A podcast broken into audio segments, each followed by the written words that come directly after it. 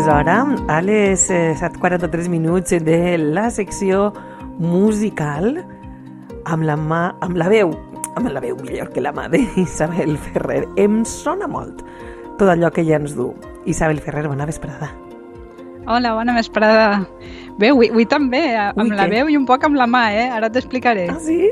Vinga, va, que tenim avui, em sona molt. Sí, perquè si, si te'n recordes, la setmana passada parlarem en, en, el, en la secció sobre la veu i acabarem parlant sobre com ens agradaria que fos la nostra veu, no? quina textura ens Mhm. agradaria que tinguera. Jo em vaig quedar a mi, un poc, una miqueta amb les ganes de, de raonar sobre aquesta idea de, de textura i de com s'aplica a la música. Mm? Se li posa un poc d'imaginació i posant-li la diré que la textura en la música seria, allà vaig, com, que, com, com el tacte d'allò que sentim? Ai, jo què sé, vaig bé o què? Sí, sí, això és una de les possibilitats. De Sí? vegades, per a Ah. parlar de música, a apliquem adjectius, per això que dèiem de la mà, eh, que descriuen sensacions que no pertanyen al món de l'oïda, sinó a altres sentits, Mm. i el tacte és un d'ells, clar. I ara se m'ocorre que de vegades diem veu vellutada. Clar, vellutada, en este cas, no té una definició exacta, però més o menys podem imaginar que és alguna veu que ens recorda, no?, aquest teixit, aquest tacte. Mm, I jo, mm, en una tria personal, vos, vos poso un exemple que a mi m'ha semblat que és una veu que té esta característica, que és la veu de la cantante brenca Montse Castellà versionant Ovidi Montllor, i veureu quina veu més bonica té. perquè vull, perquè tinc ganes que plogués. Sortia ella de casa perquè vull, perquè tinc ganes que sortís. Tenia jo un paraigües perquè vull, perquè tinc ganes de tenir. Montse Castellà seria una veu vellutada, preciosa. Sí, sí, i hi ha molts tipus de veu que tenen este símil, no?, amb el tacte, amb teixits, no?, i també seria la veu que anomenem esquinçada, que en castellà diríem rasgada, i que quan la sentim tenim una sensació com, com de dolor, no?, d'un teixit de molta rugositat que s'ha trencat. Diria que és un tipus de veu que estem més acostumades a escoltar-la en homes, ara pensen en Joe Cocker o en, o en Sergio Dalma, que, que, és, que estava molt de moda eh, fa, fa uns anys, aquest tipus de veu. En dones pot ser un recurs menys utilitzat, però també tenim alguns exemples, com Tina Turner o Bonnie Tyler. Però en realitat, que és de lo que jo venia a parlar-vos avui, en música, quan parlem de textures, no ens estem referint a teixits ni al tacte, eh, sinó a una altra cosa. Vaja. Jo ja m'estava imaginant diferents textures i va, i no, i no era allò que jo estava imaginant-me. Ai, no, no, no em sap mal, però tècnicament en música, quan parlem de textura, ens estem referint a una cosa molt, molt concreta, però també molt important. I dic que és molt important perquè la textura, la textura perdó, forma part de l'engranatge intern de la música. Aleshores, si entenem com funciona, podem comprendre molt millor l'organització dels, dels sons en general. Mireu, faig, faig un símil amb la fotografia o amb la pintura i de la mateixa manera que si ens expliquen una foto l'entendrem molt millor, no? com està organitzada una, una imatge, per què les Mhm. figures estan posades d'una determinada forma, quin és l'efecte que ens produeix gastar figures més grans o més xicotetes davant, darrere. En música, la textura ens ajuda a saber com està organitzada aquesta música i a entendre-la.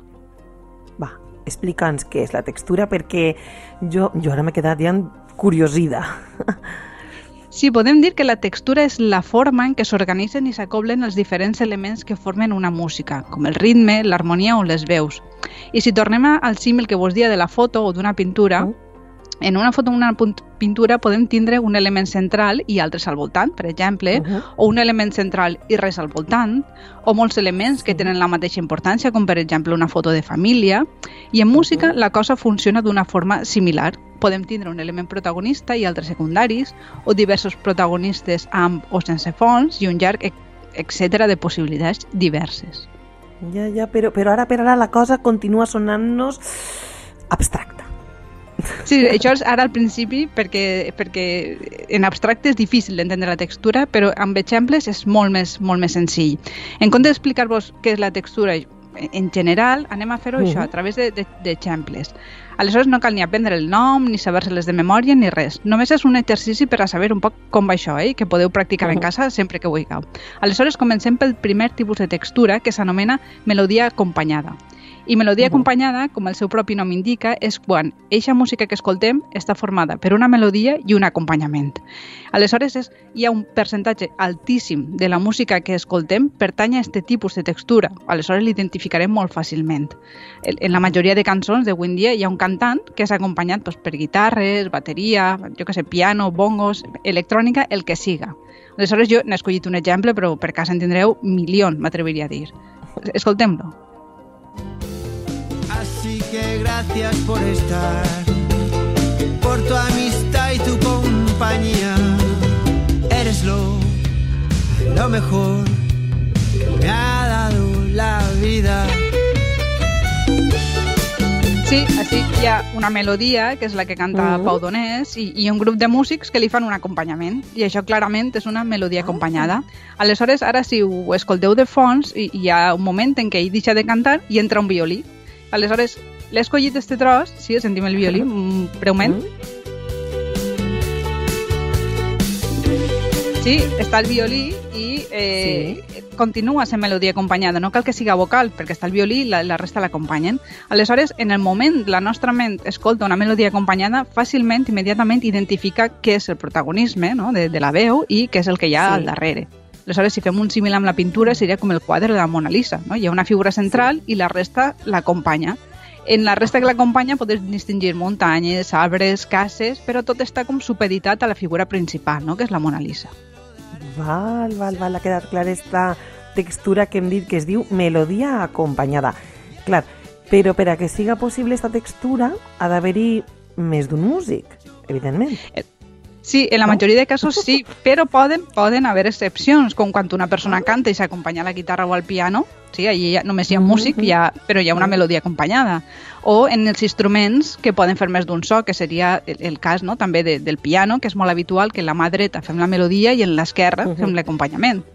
I amb la guitarra també és un poc més difícil, però es pot fer. Jo vos he portat un exemple, que és una melodia preciosa del compositor de Pilar Real, Francesc Tàrrega, on una sola Mhm. guitarra fa la melodia i l'acompanyament.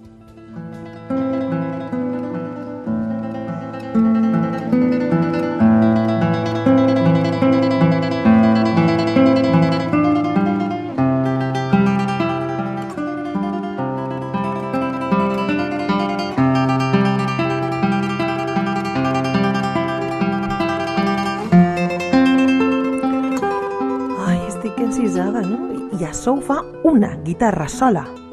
Sí, Una. sí, ella fa tot, la melodia i l'acompanyament, perquè, perquè, que l'he- escollita expressament, si únicament fera la melodia, canvien de textura, sense l'acompanyament. Seria una textura que s'anomena monodia. El nom sona un poc estrany i, i realment Mhm. és una de les textures que costa trobar exemples, no? però sí que n'hi ha. Per exemple, una monodia seria un cant de batre, que és quan un home o una dona que estan a soles en el camp cantant, això és una monodia, estan ells a soles i canten i ja està. Però també són Mhm. monòdics el, el cant gregorià o els gojos que canten en els nostres pobles, eh, allí tota la gent, eh, quan, quan acaba Sí. la festa gran, la porta de les esglésies, canten els gojos, això també normalment és monodia. Aleshores, pel que dius, encara que hi hagi una sola melodia, si canta molta gent, continua sent un cant. El que ara no me'n recordo el nom. Monòdic, monòdic, és que no és Monòdic. fàcil, eh? efectivament. Si canta molta gent però canten el mateix, seria com un estadi de, de futbol, eh? que tots cantem el mateix, així un poc a l'engròs i, Sí. i, i desaforat, però això és un cant monòdic. El que passa és que, clar, la monodia és, un, és poc elaborada, és un poc insulsa, no? perquè, clar, tots canten el mateix. Aleshores, el que es fa sovint per a millorar-la un poc d'una forma senzilla és mantenir la mateixa melodia i el mateix ritme, afegir veus que canten el mateix però a diferents altures. Això és molt típic en les músiques de l'església perquè d'una manera senzilla i fàcil s'obté un resultat molt bonic. I ara us en posaré un exemple d'aquest de, eh, tipus de, de, de textura un poc més elaborada.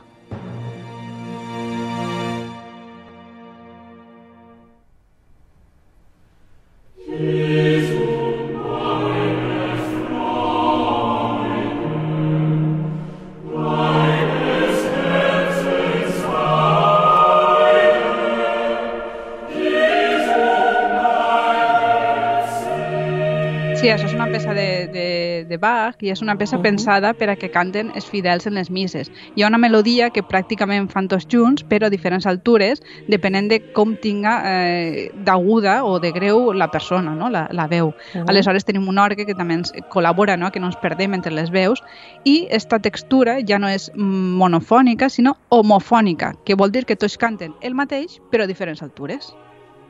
Entenc. Monofònic és quan tots cantem la mateixa melodia i homofònic quan canten la mateixa melodia però uns més agut i altres més greu, seria, no? Sí, més o menys, més, més o menys seria ja. així. De tota manera, els diferents tipus de textures es combinen, vull dir, no sempre té, tota una cançó no té la mateixa textura sempre, perquè seria molt avorrit, no? És molt Clar. difícil trobar exemples purs, per dir-ho així, que pertanyen a una sola textura. Uh, aleshores, per exemple, podem tindre un exemple de música homofònica, com el que acabem d'escoltar, però amb acompanyament, eh, que seria una combinació. És el que li passa a esta tornada d'una cançó molt coneguda d'Espencat. Quan caminàvem per la desobediència, quan tu i jo teníem son i revés, quan sobreviure forma part de l'essència, a la meva terra hi ha una puja d'estels. Quan caminàvem pels carrers de València, quan tu i jo teníem son i revés, i amb poemes d'amor bastíem la resistència. Sí, així si ho heu escoltat, les veus fan totes la mateixa melodia, però a diferents altures, i tenim les, les, unes cordes, no? una bandurri i la bateria que fan l'acompanyament. Aleshores, la textura, com hem vist, pot canviar en una cançó, perquè quan entra el cantant, ara, que l'estem escoltant, és una, és de, oblidem l'homofonia i passa a ser una melodia acompanyada comú, que és el més senzill. Oh, Isabel, ens hem d'aprendre els noms estos de les textures, no? és que ja no me'n recordo. No, no, una... tranquil·la, no, perquè això que estem fent és un, en exercici per a parar-se a pensar, eh? Però, ah. i, i començar a preguntar, no?, quan, quan escoltem una música, què és el que escoltem? Aleshores, cal preguntar-se què és el que mm tararejaríem en primera instància. Quan ho localitzem, mirem si hi ha més uh -huh. veus, podem mirar com interactuen entre elles, i ara se m'ocorre també una altra textura que, que s'utilitza molt, per exemple, en gospel, que també és molt senzilla, o en música llatina, i que també s'identifica molt fàcilment i que jo crec que vos agradarà. Eh, Sentiu-la s'anomena textura responsorial.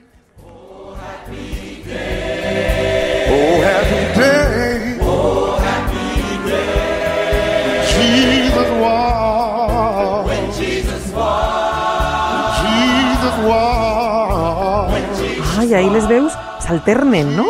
Sí, per això s'anomena responsorial, perquè seria com una pregunta-resposta entre un solista i un uh -huh. cor. I és una manera magnífica de que la gent pugui participar. Hi ha una persona solista que pot anar fent filigranes i el que vulgui, seguint el ritme, i nosaltres eh, participar en el cor. És una cosa que dona eh, -huh. molta facilitat de participació.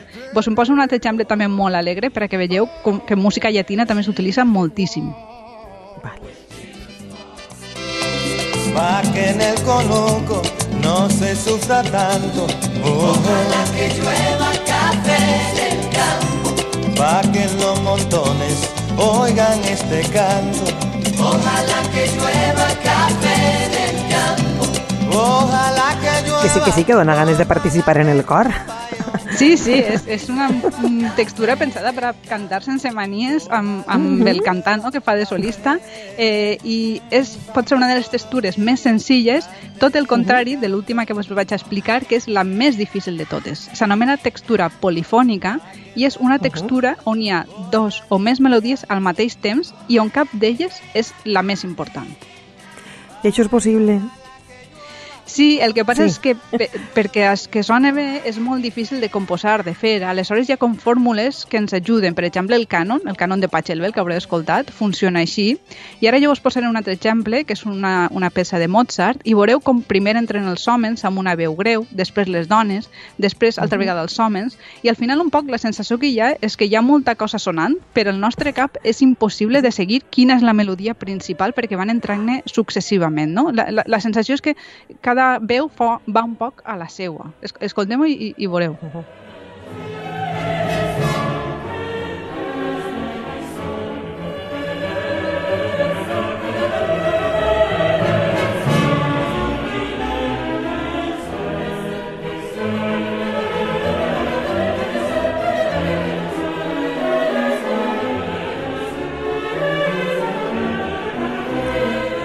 És de veres, molta claretat no hi ha, però uah, queda fantàstic. Sí, queda espectacular, però la seva composició és molt, molt, molt difícil i és, és, és, és complicat i, de, i, de, i de tocar també, d'interpretar també. Mm. Mira, no sé si seré capaç de recordar tots els noms, tots el que hem dit, perquè jo la música la sent i, i, i ja està, no paré de xifrar-la. Però a partir També és d'ara una he dit possibilitat. que em fixaré més en aquestes coses que has comentat perquè està molt interessant, eh? I, Vale, i gràcies, Isabel, una Sí, setmana a més. vosaltres. Vinga, Mira, una abraçada. que es deixes una abraçada